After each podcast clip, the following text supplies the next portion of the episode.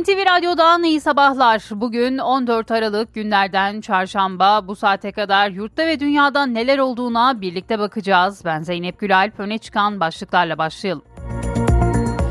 İlaç fiyatlandırmasında kullanılan 1 euro değeri %37 artırıldı. Artışla fiyat korumalı ürünlerde barem değeri 37 lira 10 kuruş, diğer ürünlerde ise barem değeri 19 lira 39 kuruşa yükseldi. Sağlık Bakanı Fahrettin Koca ilaç bulunamaması problemine karşı Şubat ayında yapılması gereken fiyat düzenlemesinin erkene çekildiğini söyledi. Diğer adımlarda yolda çözeceğiz, kimse endişe etmesin ifadelerini kullandı. 6 yaşındaki bir kız çocuğunun yıllarca cinsel istismara maruz kalmasına ilişkin yargılama sürecinde yeni bir gelişme var. Sanıkların ilk kez hakim karşısına çıkacağı duruşma 22 Mayıs'tan 30 Ocak tarihine çekildi. Davaya müdahil olan Aile ve Sosyal Hizmetler Bakanlığı da 3 sanığın tutuklanmasını talep etti. Cumhurbaşkanı Erdoğan'dan EYT açıklaması geldi. Erdoğan bu ayın sonuna kadar bu işi neticelendireceğiz. 2023'e masamızdan bunu kaldırarak girmiş olacağız dedi. Suriye'ye olası kara harekatına ilişkinse bu işin tarihi verilmez. Hedefler belli. Hedefimiz sınırdan 30 kilometre derinlikli güvenlik şeridi oluşturmak diye konuştu.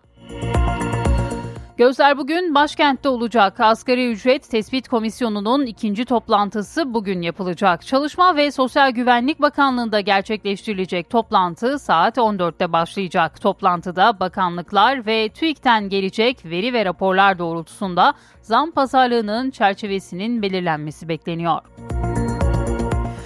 CHP Genel Başkanı Kemal Kılıçdaroğlu bugün Almanya'ya gidiyor. Üç gün sürecek ziyarette Kılıçdaroğlu'na endüstriyel dönüşüm baş danışmanı Jeremy Rifkin'in de eşlik etmesi bekleniyor. Kılıçdaroğlu ziyarette üniversiteler, sivil toplum kuruluşları ve ekonomi alanında faaliyet gösteren kurum ve kişilerle temaslarda bulunacak. İzmir'de sel can aldı. Tire ilçesinde yaşayan Hamide Koca suya kapıldı. 95 yaşındaki kadın için arama kurtarma çalışması başlatılmıştı. Ekipler ilerleyen dakikalarda kadının cansız bedenine ulaştı. Gaziantep'te bir hasta bekletildiği gerekçesiyle çantasından çıkardığı taşlarla sağlık çalışanlarına saldırdı. Olaya hasta yakınları da müdahil oldu. Hasta yakınlarından biri sağlık çalışanlarına saldırırken kalp krizi geçirdi. Sağlık çalışanları saldırganı hayata döndürdü. Türkiye'nin kredi risk primi 500 bas puanının altına indi. Türkiye'nin 5 yıllık kredi risk primi Amerika'da beklentilerin altında kalan enflasyon verisinin ardından 9 Aralık 2021'den bu yana ilk kez 500, 500 seviyesinin altına geriledi. Konaklama vergisi uygulaması 1 Ocak 2023'te yürürlüğe girecek. Buna göre otel, tatil köyü, butik otel, motel, pansiyonla köy ve yayla evi gibi kampinglerde kalan kişilerden konaklama vergisi alınacak. Vergi oranı %2 olacak. Amerika'nın Ukrayna'ya Patriot füze savunma sistemi gönderme planında sona gelindiği öne sürüldü. Amerikan basınında yer alan haberlere göre resmi duyuru 15 Aralık'ta yapılabilir. Dünya Sağlık Örgütü'nden üye ülkelere şekerli içecekler için vergileri artırın çağrısı geldi. Vergilerle şekerli içecek tüketiminin azaltılarak sağlık sorunlarının önüne geçilmesi hedefleniyor. Yeni Zelanda'da 2009'dan sonra doğanlar sigara satın alamayacak. Yeni Zelanda 14 yaş ve altındakilerin yasal olarak hiçbir zaman sigara alamayacağı ve sigara içme yaşını sürekli yükseltecek yasa tasarısını kabul etti.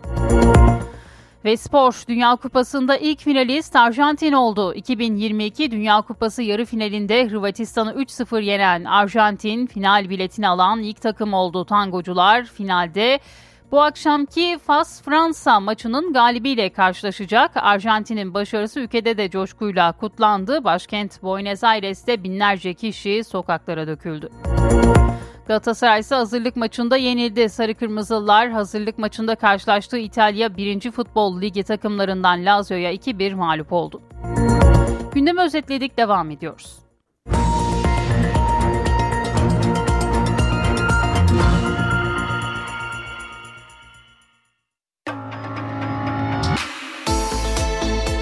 İşe giderken gazetelerin gündemi.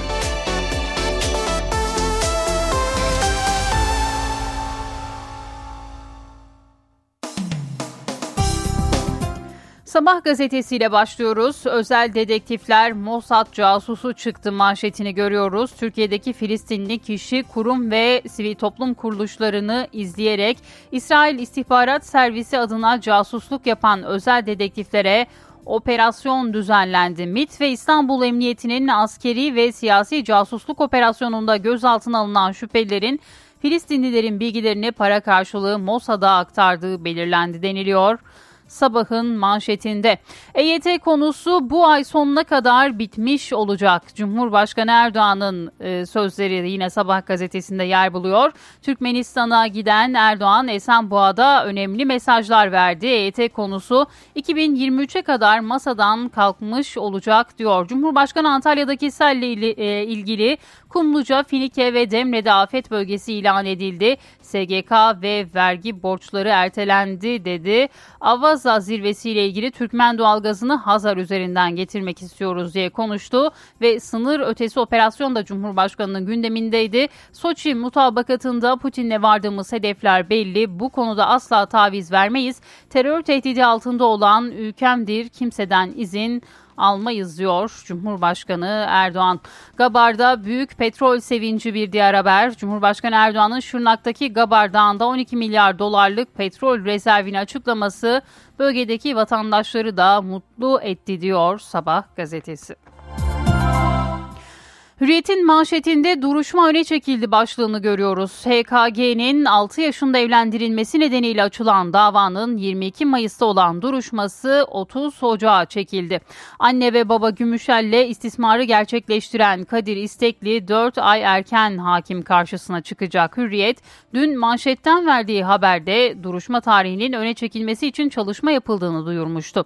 Aile ve Sosyal Hizmetler Bakanlığı'nın bu konudaki talebini değerlendiren Anadolu 2. Arca Ceza Mahkemesi kararını verdi. Mahkeme ilk duruşmanın 30 Ocak'ta yapılmasını kararlaştırdı. Ayrıca hem Aile Bakanlığı hem de mağdur HKG'nin avukatı Yusuf Ziya Gümüşel, Fatma Gümüşel ve Kadir İstekli'nin tutuklu yargılanmasını talep etti. Bakanlık dosyada gizlilik kararı verilmesini de istedi. Mahkeme bu taleplerin duruşmada değerlendirilmesine hükmetti diyor. Hürriyet gazetesi bugün. İlaç sıkıntısı en önemli konu. İlaç kuru güncellendi bir diğer başlık. İlaçta kullanılan kur yıl içinde 1 euro 7.86 olarak güncellendi. Reel kur 19.6 olunca sıkıntı azalmadı. Bu sabaha karşı kur yine güncellendi ve 1 euro 10.75 TL'ye yükseltildi. Ve bu haberde bugün yine Hürriyet gazetesinin ilk sayfasında yer buldu. Sel gitti, geride acısı kaldı. Selin vurdu. Antalya'nın Kumluca, Finike ve Demre ilçelerinde hasar tespit çalışmaları başladı. Selden 100 ev, 920 iş yeri ve 497 araç zarar gördü deniliyor Hürriyet'te bugün. Ali olsa ne olur, Veli olsa ne olur? CHP lideri Kemal Kılıçdaroğlu altılı masadan adaylığa Hiranur Vakfı'ndaki skandaldan ekonomiye kadar gazetecilerin tüm sorularını yanıtladı. İlla adayınızı açıklayın bakışını yadırgıyorum. Biz sistemi değiştirmek istiyoruz. Ali olsa ne olur, Veli olsa ne olur? Kim olacak, kim olursa olsun diyor. CHP lideri Kılıçdaroğlu'nun sözleri de bugün yine Hürriyet gazetesinin ilk sayfasında yer buluyor. Milliyetin manşetinde duruşma 30 Ocağı çekildi. Tutuklu yargılansınlar başlığını görüyoruz. 6 yaşında evlendirilen HKG'nin davasına ilişkin haberi bugün Milliyet gazetesi manşetine taşıyor. Bir diğer başlıksa liderlerin 7. buluşması Cumhurbaşkanı Erdoğan ve lideri Devlet Bahçeli dün evinde ziyaret etti. Cumhurbaşkanının resmi programında yer alan görüşme yaklaşık 50 dakika sürdü. İç ve dış politika gündeminde yer alan konulara ilişkin görüş alışverişinde bulunan görüşme 2022 yılındaki 7. ikili buluşma oldu diyor Milliyet gazetesi. Beşiktaş Belediyesi'nde rüşvet operasyonu Beşiktaş Belediyesi'nin eski başkan ve yönetimine yönelik başlatılan rüşvet soruşturmasında eski başkan yardımcıları Hüseyin Avni Sipahi ve Rıfat Örnek'le mevcut zabıta müdürü Selçuk Bartınlı'nın da aralarında bulunduğu 16 kişi gözaltına alındı. Hakkında yakalama kararı çıkarılan eski başkan Murat Hazine Dar da Kastamonu'da gözaltına alındı diyor Milliyet. Yeni Şafak'ın manşetinde CHP'nin ikinci yüzyılı da aynı başlığını görüyoruz. CHP ikinci yüzyıl sloganıyla seçim kampanyasını yürütüp bazı muhafazakar partilerle aynı masaya otursa da söz konusu İslam dini ve dindarlık olunca fabrika ayarlarına geri dönüyor. CHP'liler küçük yaştaki çocuğa istismar vakası üzerinden tüm vakıf ve cemaatlere hedef alıp e, tehdit etti diyor Yeni Şafak gazetesi. Aday olmak istiyorum bir diğer başlık. Ankara'da gazetecilerle bir araya gelen CHP lideri Kılıçdaroğlu adaylık için ilk kez çok net konuştu. Ben arzu ediyorum ben oluyum ama önemli olan kişiler değil ülkenin geleceği. Her partinin kendi genel başkanı doğal adayı olabilir. Sorduğunuz zaman İyi Parti'nin il ilçe başkanlarına benim adayım Akşener diyorlar. Bu doğal. Ama bu örgütün belirleyeceği bir şey değil ki önemli olan 6 liderin adayını belirlemesi diyor CHP lideri. Bir diğer başlık 30 ilde bahis operasyonu 10 ay önce öldürülen Halil Falyalı yönetimindeki organizasyonla bağlantılı yasa dışı sanal bahis çetesine düzenlenen ikinci dalga operasyonda 111 şüpheli göz altına alındı diyor Yeni Şafak. Postanın manşetinde sadece okumak istemişti başlığını görüyoruz. Köydeki bakkal lise öğrencisi Şerife İçözü ailesinden istedi. Şerife ben üniversitede okumak istiyorum diyerek evlenmeyi kabul etmedi. Bakkal köy meydanında gördüğü Şerife'nin abi Mustafa'yı kurşun yağdırarak öldürdü. Mustafa'nın cenazesinde kuzeni Meryem de üzüntüden kalp krizi geçirerek öldü diyor Posta gazetesi bugün manşetinden. Cumhuriyet'in manşetinde ise bir seçimde 3 sandık başlığını görüyoruz. Cumhurbaşkanı milletvekili ve referandum deniliyor. İyi Parti sözcüsü Kürşat Zorlu'nun AKP'nin anayasa değişikliği teklifine ilişkin Kanaatimiz evet yönünde açıklaması gözleri yeniden partilerin meclisteki sandalye sayısına çevirdi. 360 milletvekilinin evet oyu vermesi durumunda da 2023'te seçmenlerin önüne 3 sandık konulacak. Cumhuriyet'in manşetinde savcı tanıdık çıktığı bir diğer başlık İsmail Ağa cemaatindeki çocuk istismarı skandalında EKG'nin 2013'teki şikayetini kapatan İstanbul Anadolu Adliyesi'nde görevli savcı hakkında yeni bir iddia gündeme geldi. Savcının bir şüpheli ölüm dosyası nedeniyle HSK'ye e, şikayet ettiği bildirildi deniliyor. Bugün yine Cumhuriyet Gazetesi bu konuyu da ilk sayfasına taşıyor. Şimdi bir ara vereceğiz. Birazdan haberlerin ayrıntılarını aktaracağız. NTV Radyo, Türkiye'nin haber radyosu. İş Bir Yatak köşedeki kitapçıyı sunar. Yatak uzmanından iş bir yatak. Merhaba, ben Adnan Bostancıoğlu. Can yayınları modern Japon edebiyatının öncü isimlerinden Nobel ödüllü Yasunari Kawabata'nın Go Ustası isimli romanını yayımladı. Romanı dilimize Habibe Salgar çevirmiş. 1899 Osaka doğumlu Yasunari Kawabata varlıklı bir ailenin çocuğuydu. Ama henüz çok küçük yaştayken talihsizlikler birbirini izledi. 2 yaşında babasını, bir yıl sonra da annesini kaybetti. İlk öykülerini henüz lise öğrencisiyken yayınlayan Kawabata, Tokyo İmparatorluk Üniversitesi'ni bitirdi. Birinci Dünya Savaşı sonrasında Avrupa'da filizlenen avantgard akımlardan etkilendi. Bin Turna, Dağın Sesi, Karlar Ülkesi romanlarıyla uluslararası üne ulaşan yazar, 1968 yılında Nobel Edebiyat Ödülünü kazanan ilk Japon yazar oldu. Kawabata 1972 yılında Japon yazarlarda sıklıkla rastlandığı üzere hayatına kendisi son verdi. Go bilindiği gibi bir strateji oyunu. Kuralları basit ama ustalaşması bir ömür süren bir oyun. Siyah ve beyaz taşların bir tahta üzerinde birbirini kuşatmaya çalıştığı bu strateji oyunu Japon ruhunun ve düşünce yapısının aynasıdır desek yanlış olmaz. Kawabata'nın romanına gelirsek, Go ustası hayatı boyunca hiç mağlup olmamış, son yaşayan usta Honinba Shusai'nin son müsabakasının hikayesi. Go geleneğinde yetişmiş usta artık yaşlıdır, hastadır. Rakibi Ötake ise bir makine gibi hızlı, agresif ve randımanlı bir tarza sahiptir. Japonya'nın büyülü manzarasının ortasındaki bir kaplıca otelinde başlayan bu neredeyse alegorik karşılaşma tam 6 ay sürecektir. Herkese iyi okumalar, hoşçakalın. İş Bir Yatak köşedeki kitapçıyı sundu. Yatak uzmanından iş bir yatak. Daha sürdürülebilir bir çatı ve daha iyi bir dünya için Bras Çatı Sistemleri sunar. Doğa konuşmaları.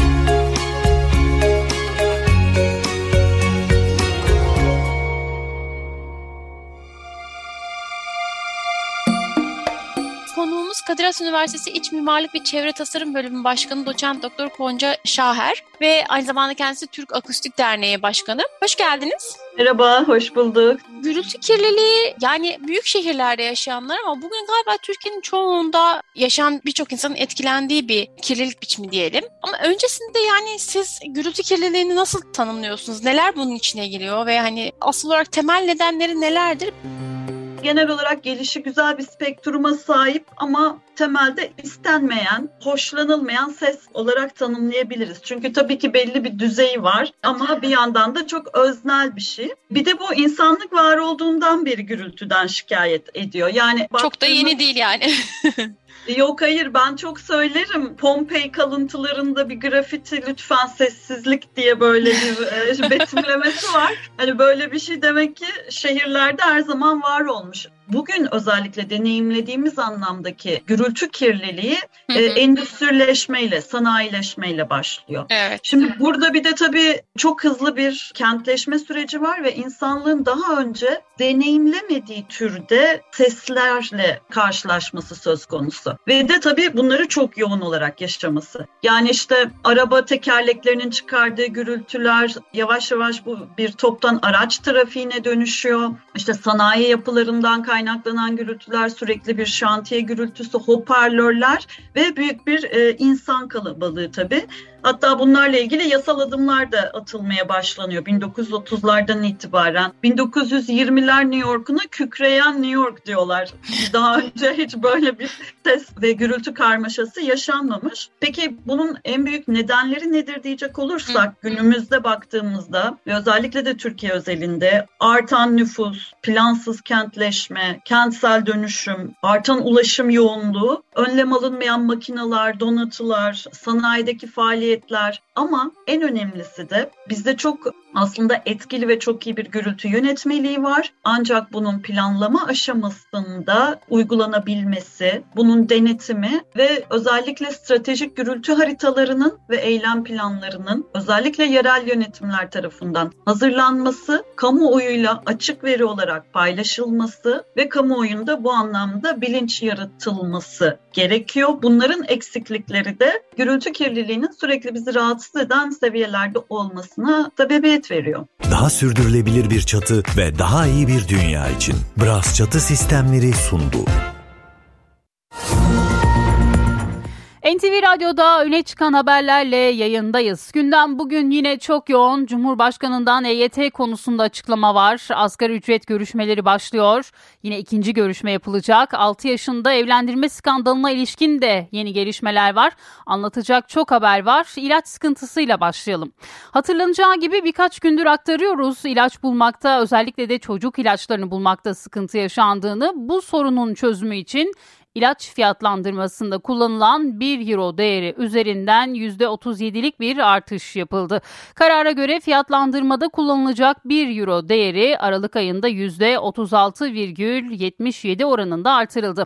Artışla fiyat korumalı ürünlerde barem değeri 37 lira 10 kuruş, diğer ürünlerde ise barem değeri 19 lira 39 kuruşa yükseldi.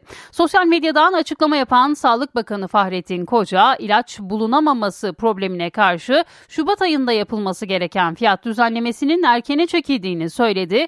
Diğer adımlarda yolda çözeceğiz, kimse endişe etmesin ifadelerini kullandı. Günlerdir 6 yaşındaki çocuğun istismar edilmesi ve annesi ve babası tarafından evlendirilmesi skandalını konuşuyoruz. Yargılama sürecinde yeni bir gelişme yaşandı. Sanıkların ilk kez hakim karşısına çıkacağı duruşma 22 Mayıs'tan 30 Ocak tarihine çekildi. Davaya müdahil olan Aile ve Sosyal Hizmetler Bakanlığı da 3 sanığın tutuklanmasını talep etti. Ayrıntıları aktaralım. Türkiye'yi ayağa kaldıran 6 yaşında evlendirme skandalında duruşma tarihi öne çekildi. Sanıklar 30 Ocak'ta hakim karşısına çıkacak. Duruşma tarihinin öne alınmasını ve sanıkların e, tutuklu yargılanmasını talep ettik. Duruşma tarihinin öne alınmasıyla alakalı talebimiz e, bugün itibariyle kabul edildi. Tutuklu yargılamayla alakalı talebimiz henüz dosyada muhtemelen mahkeme heyeti inceleyecek ve ondan sonra karar verecek. Anadolu 2. Ağır Ceza Mahkemesi'nce iddianamenin kabul edilmesinin ardından ilk duruşma tarihi 22 Mayıs 2023 olarak belirlenmişti. Davaya müdahil olan Aile ve Sosyal Hizmetler Bakanlığı hem o tarihin öne çekilmesi hem de 3 sanığın tutuklanması için başvuru yaptı. Bu bahis konusu olay katalog suçlardan olduğu için biz de tutuklu yargılama talebinde bulunduk. Bu vakıf ya da herhangi bir başka vakıf her kim olursa olsun çocukların istismarı, şiddete uğraması vesaire bu ve benzeri bir eylemin tarafı ise hiç gözünün yaşına bakılmaz. HKG'nin 2021'de boşandığı eşi Kadir İstekli hakkında 67 yıl, ebeveynleri Yusuf Ziya Gümüşel ve Fatıma Gümüşel hakkında 22 yıl hapis cezası isteniyor. Bir insanlık suçu olarak görmek lazım ee, ve bunun üstüne gitmek, takipçisi olmak, mahkemeler önünde suçları sabit görülürse bunların cezalandırılmasını temin etmek lazım. Bir daha bu ülkede böyle korkunç istismarların yaşanmaması için kökten bir çareye adım atmamız gerekiyor. HKG'nin avukatı da tutuksuz sanıklar için tutuklama talep etti. Avukat dosyaya gizli kararı verilmesini de istedi. Asgari ücret ne kadar olacak? İşte bu soruya bugün bir şekil verilmesi bekleniyor. İlk toplantı 7 Aralık'taydı. Asgari ücret tespit komisyonunun ikinci toplantısı da bugün yapılacak. Çalışma ve Sosyal Güvenlik Bakanlığı'nda olacak toplantı saat 14'te başlayacak. Toplantıda bakanlıklar ve TÜİK'ten gelecek veri ve raporlar doğrultusunda zam pazarlığının çerçevesinin belirlenmesi bekleniyor. İlk toplantıda Çalışma ve Sosyal Güvenlik Bakanlığı'nın asgari ücretle ilgili anketi açıklanmış. Kamuoyu beklentisinin 7845 lira olduğunu duyurmuştu Çalışma Bakanlığı. Çalışanların odaklandığı bir diğer konu da EYT. Bu konuda da Cumhurbaşkanı'ndan bir açıklama geldi. Cumhurbaşkanı düzenleme ile ilgili çalışmanın ay sonuna kadar tamamlanacağını söyledi. Türkmenistan hareketinden önce havalimanında açıklama yapan Cumhurbaşkanı'nın gündeminde olası Suriye harekatı da vardı. EYT konusunda bu ay sonuna kadar bu işi neticelendireceğiz. İnşallah ay sonuna kadar da bunu karara bağlayacağız ve 2023'e masamızdan bunu kaldırarak inşallah girmiş olacağız. Cumhurbaşkanı Recep Tayyip Erdoğan, yüz binlerce kişinin merakla beklediği emeklilikte yaşa takılanlar düzenlemesiyle ilgili çalışmanın bu ay sonunda tamamlanacağını söyledi. Türkmenistan ziyareti öncesinde Esenboğa Havalimanı'nda basın toplantısı düzenleyen Erdoğan, Suriye'nin kuzeyine düzenlenmesi beklenen kara harekatı konusunda da önemli mesajlar verdi. Bu işin adresi, bu işin tarihi verilmez.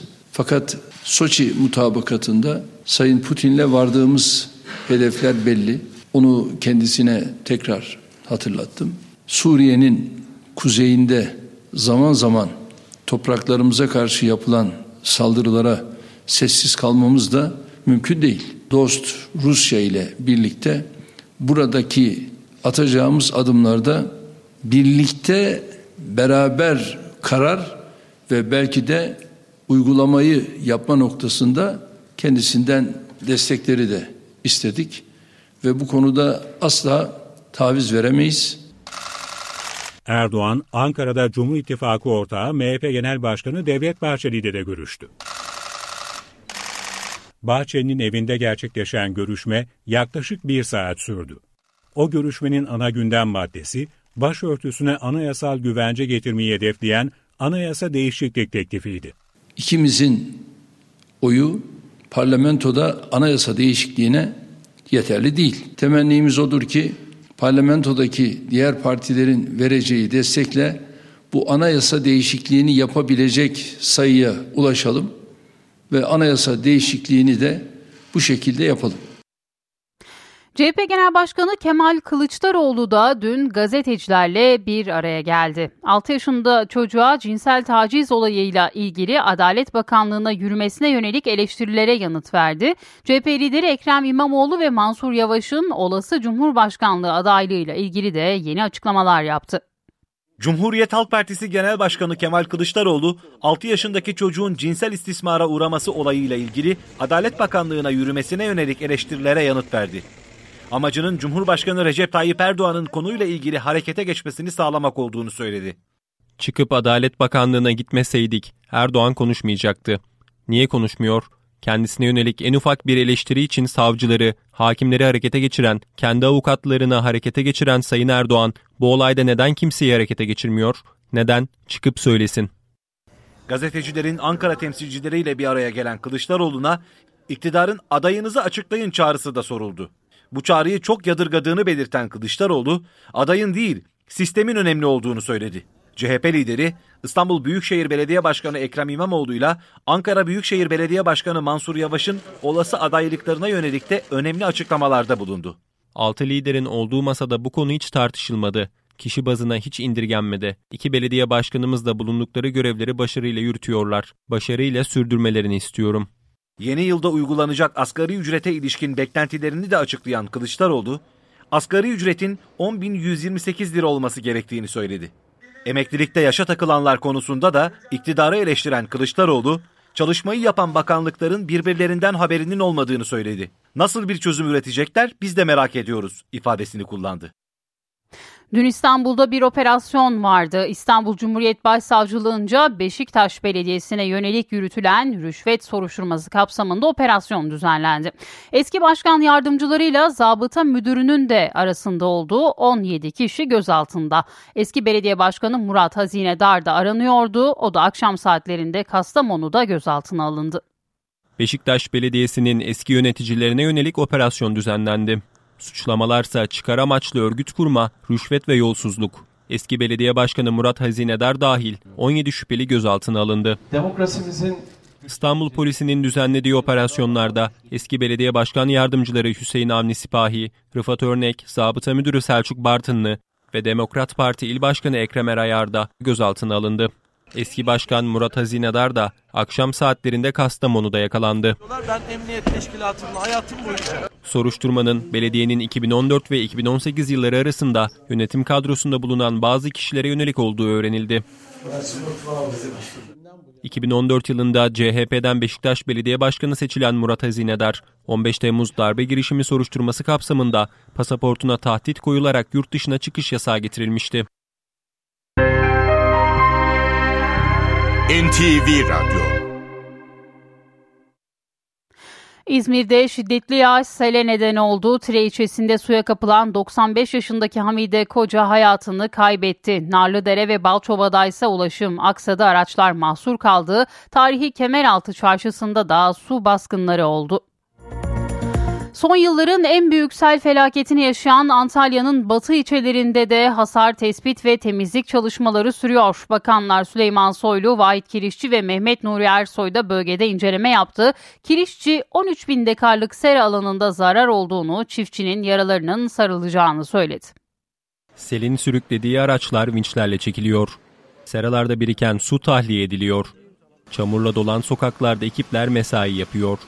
Antalya'yı vuran sel felaketinin izleri siliniyor. Hiçbir şekilde ihtiyaçlarıyla ilgili en ufak bir gen durma, uzak durma asla söz konusu olmayacaktır. Gereken neyse yapılmaktadır ve yapılacaktır. Meteorolojik verilere göre Antalya'da bir yılda beklenen yağış bir günde düştü. 8 saatte metrekareye 200 kilogram yağmur yağdı. Selden en çok etkilenen bölgeler Kumluca ve Finike ilçeleri oldu. 100 ev ve 920 iş yerini su bastı. 30'un üzerinde köy yolu sel ve heyelan nedeniyle ulaşıma kapandı. 497 araç kullanılamaz hale geldi. Bakanlar Süleyman Soylu, Vahit Kirişçi ve Mehmet Nuri Ersoy da bölgede inceleme yaptı. Kirişçi, ekili alanlardaki bilançoyu açıkladı. Kumluca'da bu manada serada zarar gören çiftçi sayısı da yaklaşık e, bindir. 7000 dekarlık sera alanının olduğu Finike'de de 1100 dekarlık bir alan selden etkilenmiştir. Demre'de de 30 üreticimize ait 110 dekarlık bir alanın selden etkilendiğini söyleyebiliriz. Bakan Kirişçi, hasar tespit çalışmalarının seralardaki su tamamen çekilince tamamlanacağını söyledi. Çiftçilerin zarar tazminine yönelik sürecin Tarsim üzerinden ilerleyeceğini açıkladı. Bakanlar ilçe merkezindeki afetzede esnafı da ziyaret etti. İş yeri zarar görenlerden biri 75 yaşındaki Zülfiye Ceylan'dı. Cumhurbaşkanı Recep Tayyip Erdoğan, Zülfiye Ceylan'la telefonla görüştü. Geçmiş olsun dileklerini iletti. Gereken desteğin verileceğini söyledi. Rabbim beterinden korusun. Amin. Şu anda Amin. bakan arkadaşlarım orada. Allah razı olsun. Allah razı olsun. Partili arkadaşlarım orada. Hep beraber Allah razı olsun. yapacaklar. Ne gerekiyorsa hepsini yapacağız inşallah. Allah razı olsun. Temizlik çalışmalarına Mehmetçik de destek veriyor. İl Jandarma Komutanlığı'nda görevli 350 asker sel mağdurlarına yardım ediyor. Antalya'da sürmesi beklenen yağış nedeniyle eğitime bir gün daha ara verildi. İl Milli Eğitim Müdürlüğü, Manavgat, Serik ve İbradı'da okulların tatil edildiğini açıkladı. Kuru fasulye, nohut ve pirinçte fiyat iki kat arttı. Bayrampaşa'daki toptancılar çarşısına giden NTV ekibi fiyat artışının nedenlerini ve nasıl düşürülebileceğini esnafla konuştu. Bu sene 38 liraya benim burada sattığım baldot pirinç fiyatı. Yani geçen sene 22'ler civarında falandı yani. Tabii bu toptan fiyatı. Tabii toptan fiyatı. Bizim de gücümüzü eritti fiyat artışları. Çünkü e, mal satıyoruz yerine aldığımız zaman fiyatlar yükselmiş. Ben mal satarken de aynı şikayetleri alıyorum. Milli yemeğimiz olarak da kabul edilen kuru fasulye zengin fakir hemen herkesin sevdiği sofraların vazgeçilmezleri arasında. Kuru fasulye gibi pilav ve nohut da en çok tercih edilen yemeklerden. Ancak fiyatları son bir yılda düşündürücü seviyeye çıktı. Geçen yıldan bu yana fiyatı ikiye katlanmayan neredeyse hiçbir ürün kalmadı. Enflasyondaki yükselişten en çok etkilenen ürün grupları arasında bakliyat da var. Bayrampaşa'dayız. Bayrampaşa'daki toptancılar çarşısındayız. Burada hemen her çeşit ürünü çuvallar içerisinde görmekteyiz. Türkiye'nin dört bir yanından buraya ürün gelmekte. Peki geçen yıldan bu yana buraya gelen ürün fiyatları nasıl değişti ve buradan sofralarımıza gelene kadar nasıl değişiyor? Bu sorulara yanıt arıyoruz. Şu anda bizdeki en büyük sıkıntı nakliye giderlerinin bir önceki yıla iki kat, üç kat artış olması. Geçtiğimiz sene Gaziantep'ten buraya gelen üründe kilogram nakliyesi 25-30 kuruşken şu anda 90 kuruş civarında yani 1 liraya yakın dayandı. Yani sadece nakliye mi? Sadece nakliye değil. İşçilik giderleri, ambalaj giderleri geçen seneki bir adet çuvalın fiyatı 1 lirayken bu sene 3,5 lira civarında. Pirinç marketlerde 30-45, kuru fasulye 40-70, nohut 30-45, kırmızı mercimek 22-38, yeşil mercimek 30-40, bulgursa 18-25 lira arasında satılıyor. Peki fiyatlar düşer mi? Bulacağı en yüksek seviyeyi buldu artışlar ama e, çözümü var kolay yani çözülür istese. Nasıl olur sizce? Ya girdi maliyetlerini düşürecekler. Gıdada en çok ne kullanılıyorsa mazot, gübre, bilinçli tarım yapılırsa her şey çözülür. NTV Radyo, Türkiye'nin haber radyosu. HDI Sigorta İstanbul'un yol durumunu sunar. HDI Sigorta İstanbul'da bu saat itibariyle trafikte yoğunluk %49 seviyelerinde. Her iki köprüde de yoğunluk var. Anadolu yakasında köprüye giderken Beylerbeyi Çamlıca arasında, Tem'de ise Kavacık İkbal Caddesi arasında trafik ağır ilerliyor.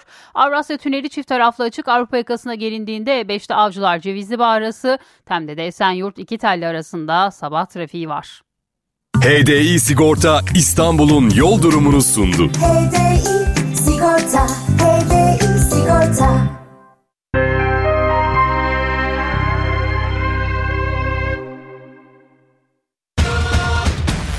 Mağaza ve ofis zeminlerinin depo ve yürüme yollarının en yeni en etkili boyası Düfa Zemin Boyaları spor haberlerini sunar.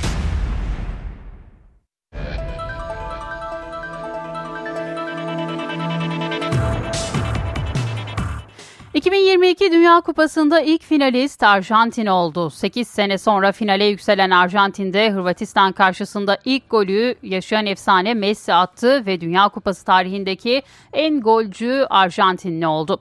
Alvarez 39. dakikada farkı ikiye çıkardı. 69. dakikada Messi'nin şık asistine sahneye yine çıkan Alvarez maçın sonucunu belirledi.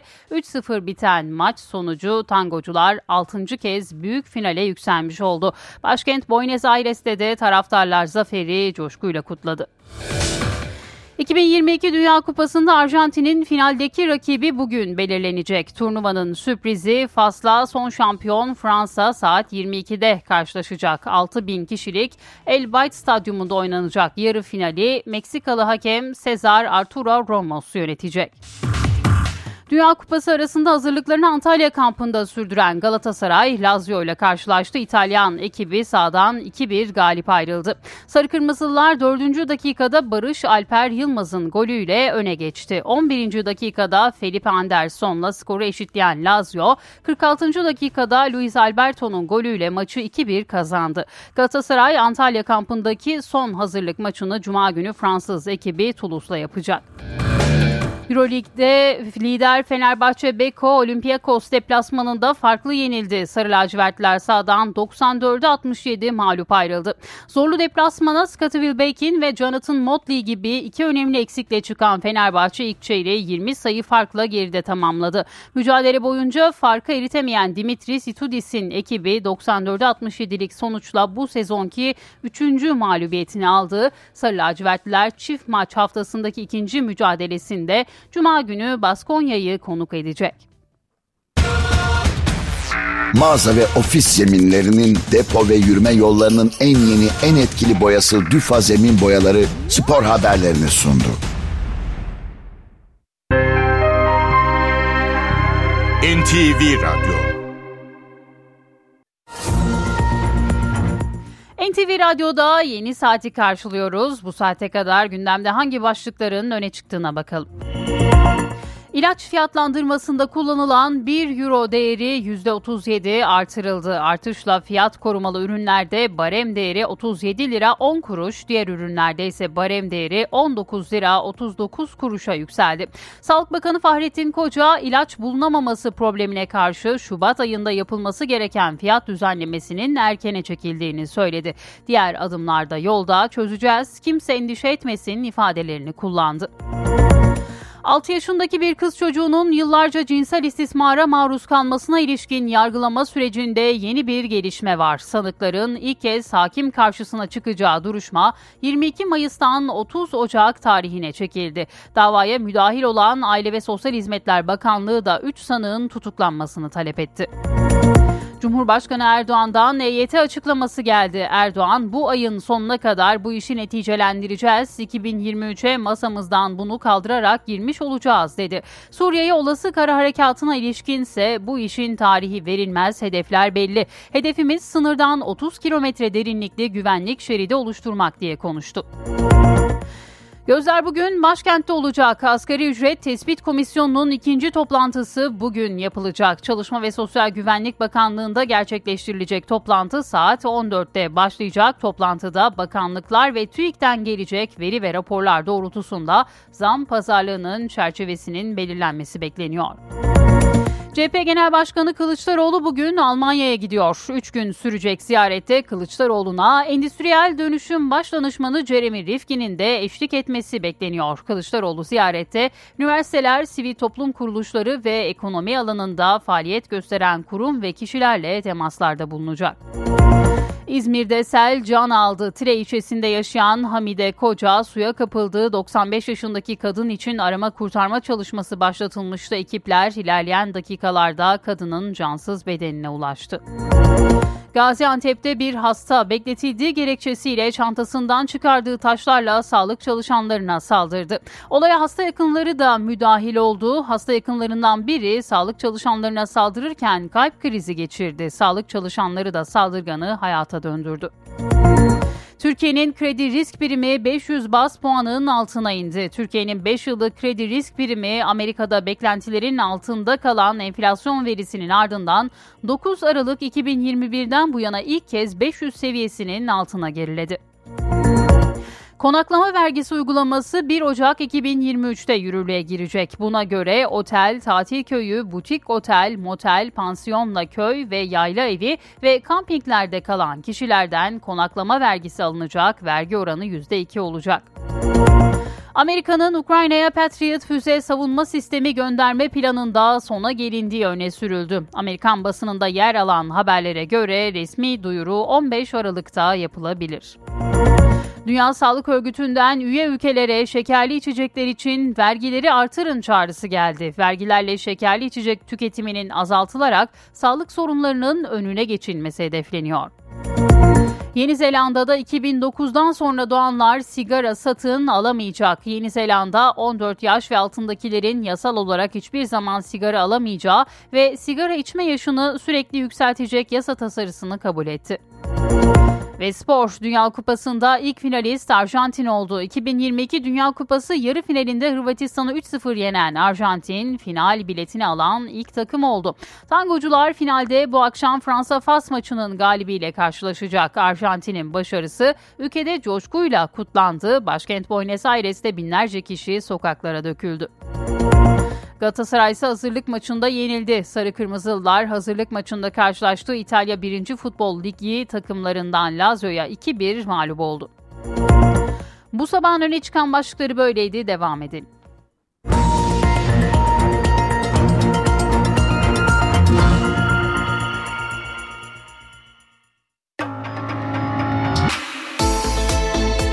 İşe giderken gazetelerin gündemi.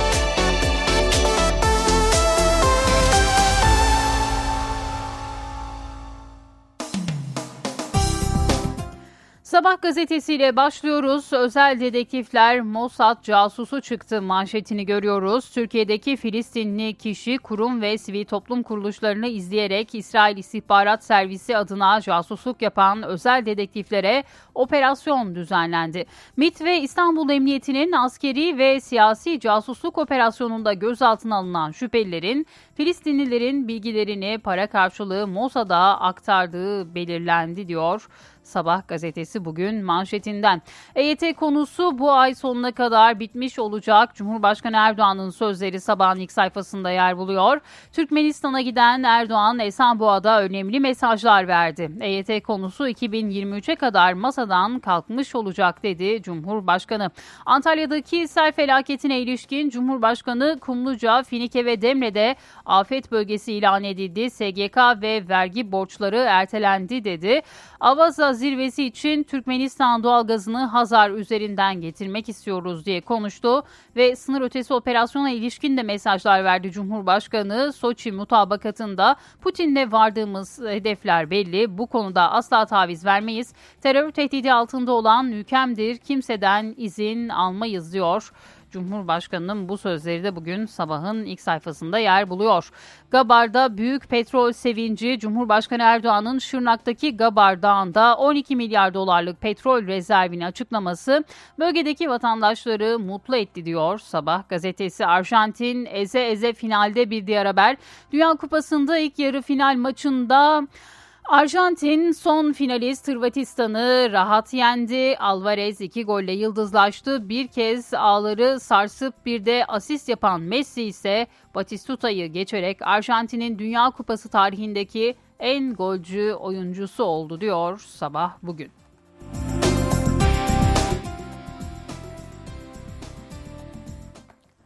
Hürriyetle devam ediyoruz. Duruşma öne çekildi manşetini görüyoruz. SKG'nin 6 yaşında evlendirilmesi nedeniyle açılan davanın 22 Mayıs'ta olan duruşması 30 Ocağı çekildi.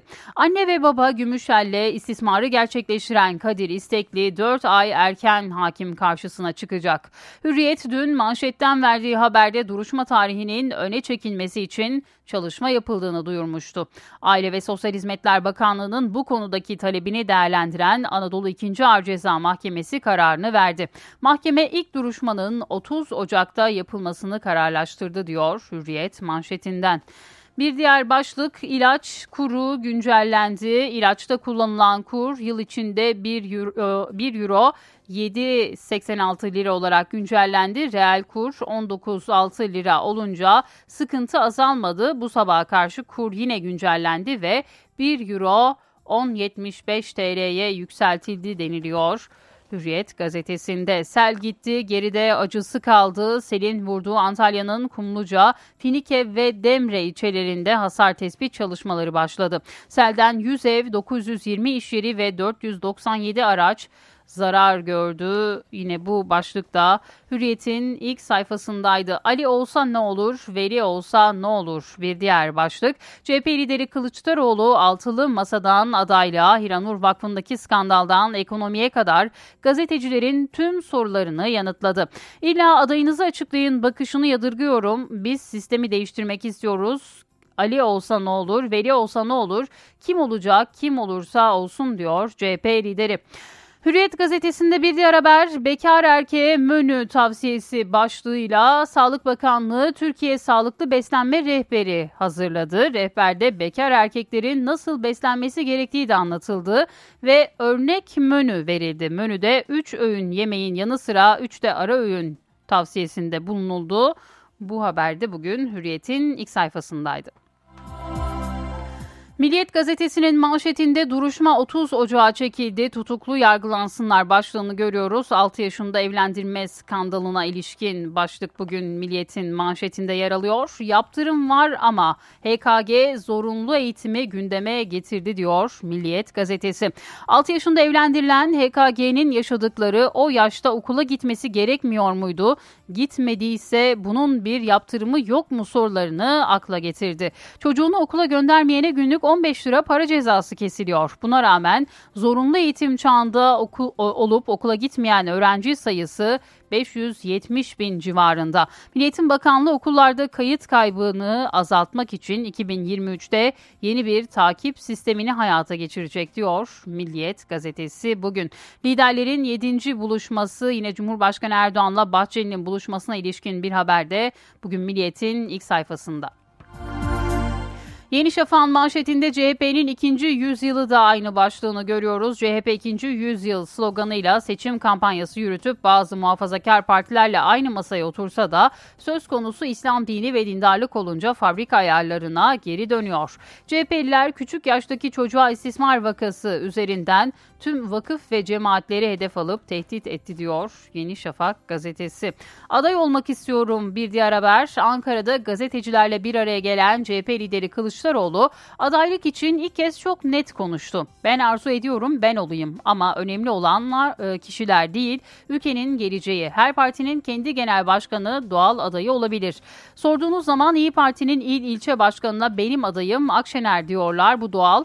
Ama bu örgütün belirleyeceği bir şey değil ki önemli olan 6 liderin adayı belirlemesi diyor. Kılıçdaroğlu'nun bu sözleri de bugün Yeni Şafak gazetesinin ilk sayfasında yer buluyor.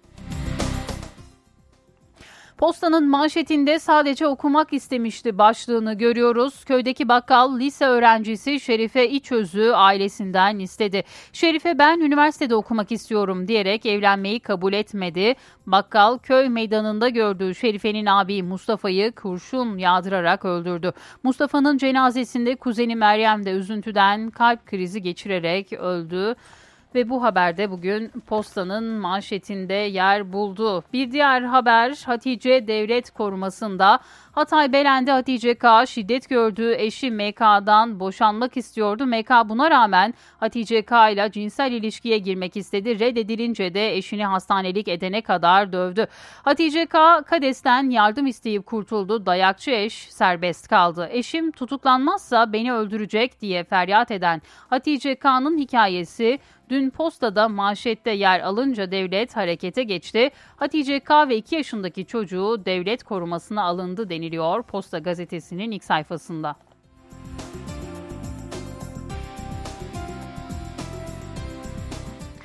Cumhuriyet Gazetesi ile devam ediyoruz. Bir seçimde 3 sandık manşetini görüyoruz. Ee, mecliste yeni aritmatik deniliyor. İyi Parti sözcüsü Kürşat Zorlu'nun AKP'nin anayasa değişikliği teklifine ilişkin kanaatimiz evet yönünde açıklaması gözleri yeniden partilerin meclisteki sandalye sayısına çevirdi. 360 milletvekilinin evet oyu vermesi durumunda da 2023'te seçmenlerin önüne 3 sandık konulacak deniliyor Cumhuriyet'in manşetinde manşetinde bugün. NTV Radyo, Türkiye'nin haber radyosu. Dünya markası Bras çatı sistemleri finans bültenini sunar. Borsa İstanbul Yüz Endeksi 5256 seviyelerinde dolar 18.64'ten euro 19.81'den işlem görüyor. Euro dolar paritesi 1.06 altının onzu 1809 dolar. Kapalı çarşıda gram altın 1084, çeyrek altın 1792 liradan satılıyor. Brent petrolün varil fiyatı ise 80 dolar. Dünya markası Bras çatı sistemleri finans bültenini sundu. NTV Radyo Estetiğin ruhunu duvarlarınıza taşıyan Sandeko Boya hava durumunu sunar. Eşsiz boya, eşsiz mekanlar. Sandeko. Bugün güneyde yine sel tehlikesi var. Kuzeyde ise hava soğuk. Marmara'da güneş az görülüyor. Bulutlar çoğunlukla soğuk. e, bulutlar var çoğunlukta ve soğuk bir havada var. İstanbul bulutlu 12 derece olacak bugün. İç Anadolu geneli yağışlı. Ankara'da yağmurlu 10 derece. Ege'de Muğla Afyon tarafında kısa süreli bir yağış gözleniyor. İzmir parçalı bulutlu 19 derece olacak. Antalya'da gündüz merkez, Alanya, Manavgat tarafında yağış şiddetli. Sel tehlikesi de sürüyor 14 derece. Güneydoğu'da yine yağışlı bir gün olacak. Doğu Anadolu'da ise bazı kentlerde yağmur var. Karadeniz soğuk olacak bugün. Samsun, Tokat, Kastamonu'da yağmur kuvvetli olacak yine bugün. Estetiğin ruhunu duvarlarınıza taşıyan Sandeko Boya hava durumunu sundu. Eşsiz boya, eşsiz mekanlar. Sandeko. Şimdi bir ara vereceğiz. Birazdan yine burada olacağız. NTV Radyo Türkiye'nin haber radyosu İş Bir Yatak köşedeki kitapçıyı sunar. Yatak uzmanından iş bir yatak. Merhaba, ben Adnan Bostancıoğlu.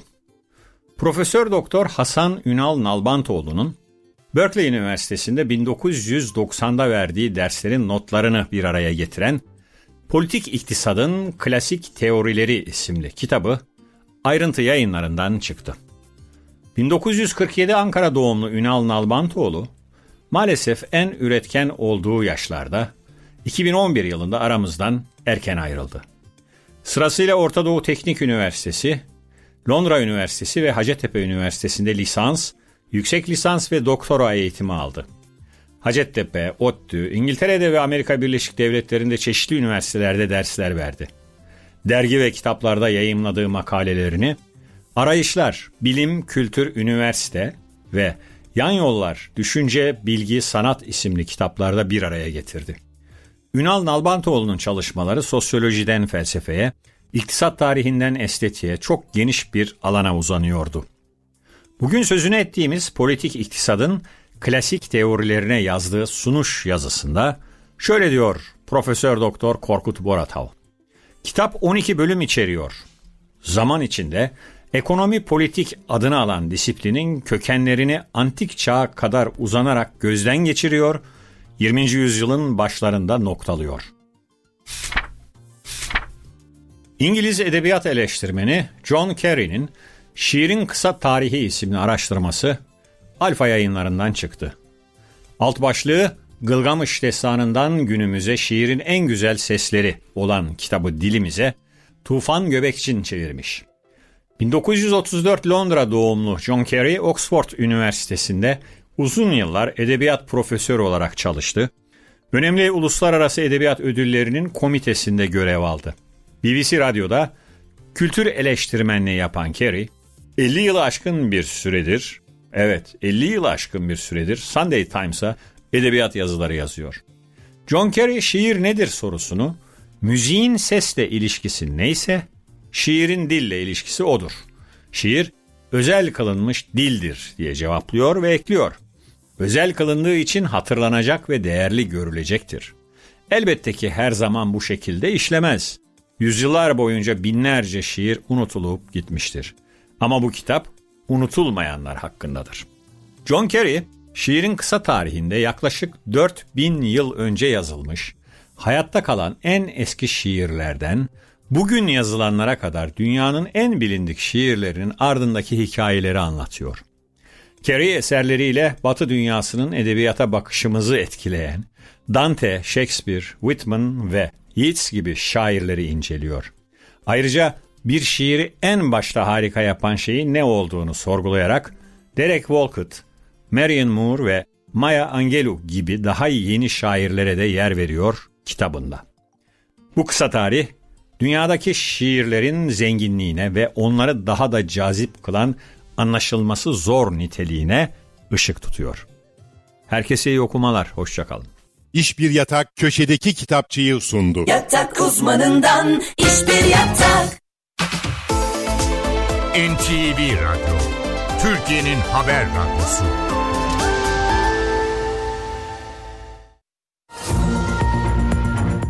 Saat 8.30 oldu. NTV Radyo'da haberleri aktarmaya devam ediyoruz. Bugün gözler başkent Ankara'da olacak. Asgari ücret tespit komisyonunun ikinci toplantısı bugün yapılacak. İlk toplantı 7 Aralık'taydı. Çalışma ve Sosyal Güvenlik Bakanlığı'nda yapılacak olan toplantı bugün saat 14'te başlayacak.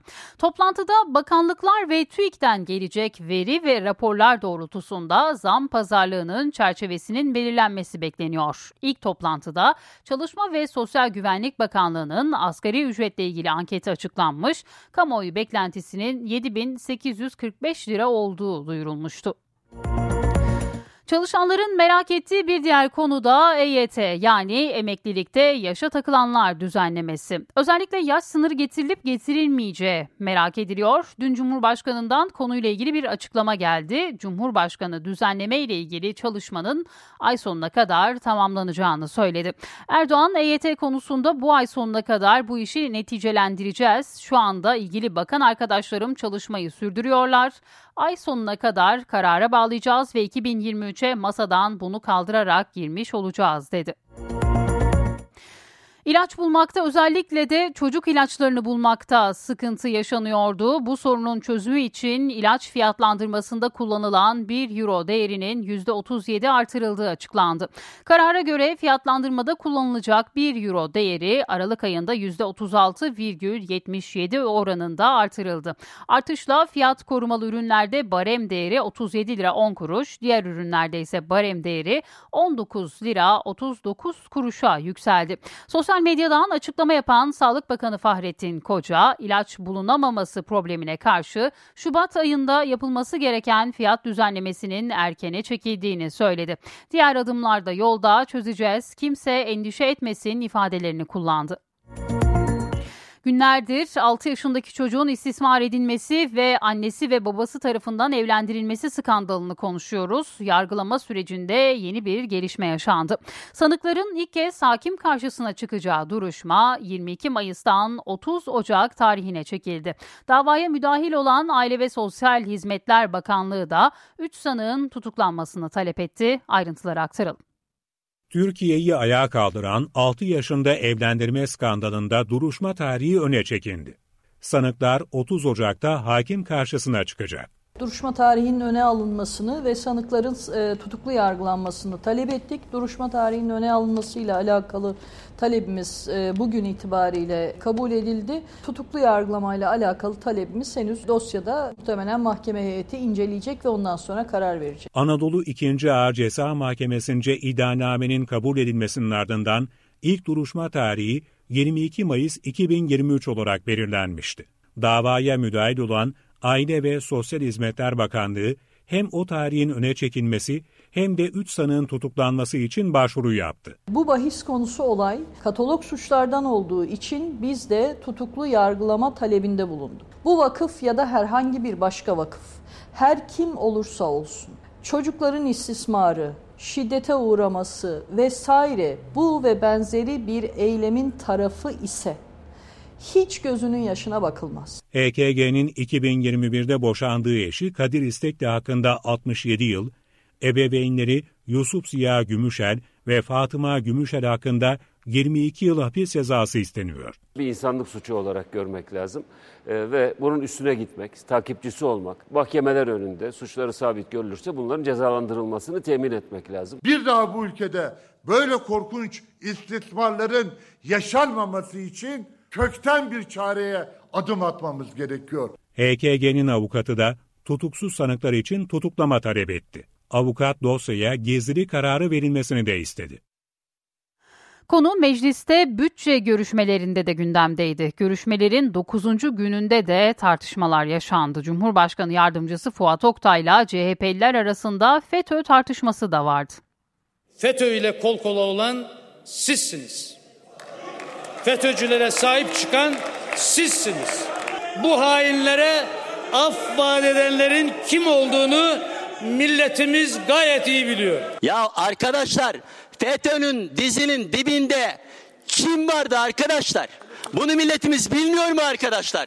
Kalkıp bize FETÖ'cü diyorsunuz ya. Bütçe görüşmelerinin devam ettiği Meclis Genel Kurulu'nda yine tartışma vardı. Cumhurbaşkanı Yardımcısı Fuat Oktay'la CHP'liler arasında FETÖ tartışması yaşandı.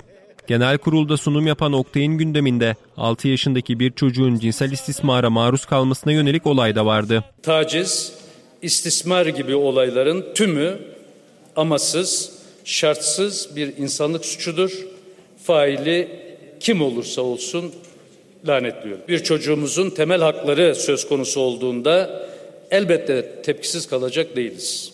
Görüşmelerde AK Parti ile CHP arasında cinsel istismar olayının ardından bazı inanç gruplarının hedef alındığı yönünde tartışmada yaşandı. Kemal Kılıçdaroğlu'nun bu olayla ilgili bir inanç grubuna bir tek cümlesini bulun getirin hadi bakayım. Bulamazsınız.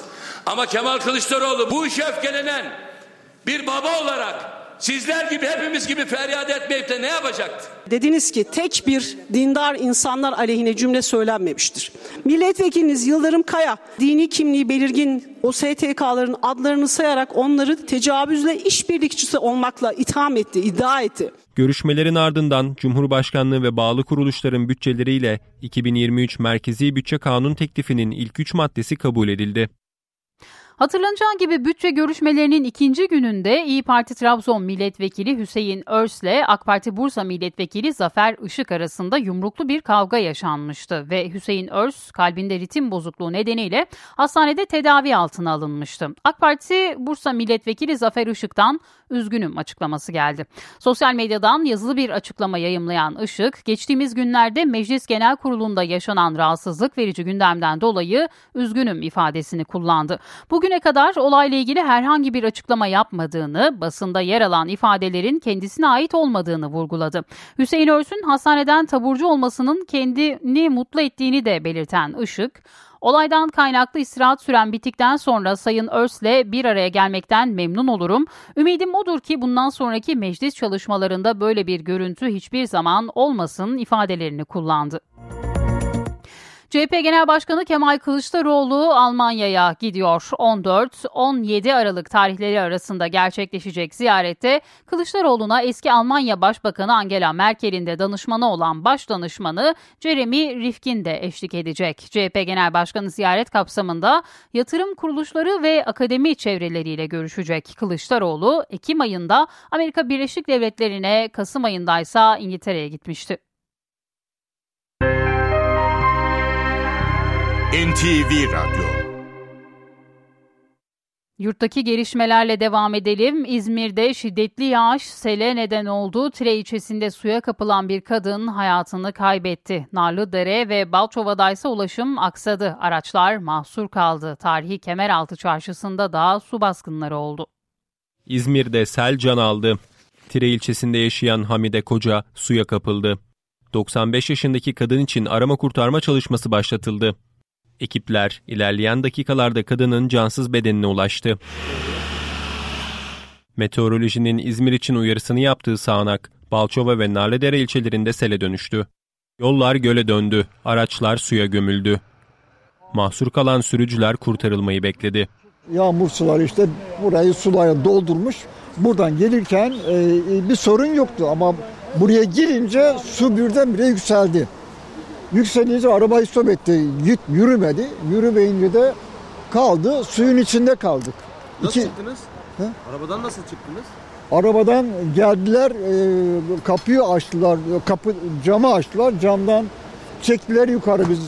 Vatandaşların yardımına belediye ve itfaiye ekipleri koştu. Çekiciyle kurtarılan araçlarda yağmur suyu nedeniyle zarar oluştu. Kent merkezinde de benzer görüntüler vardı.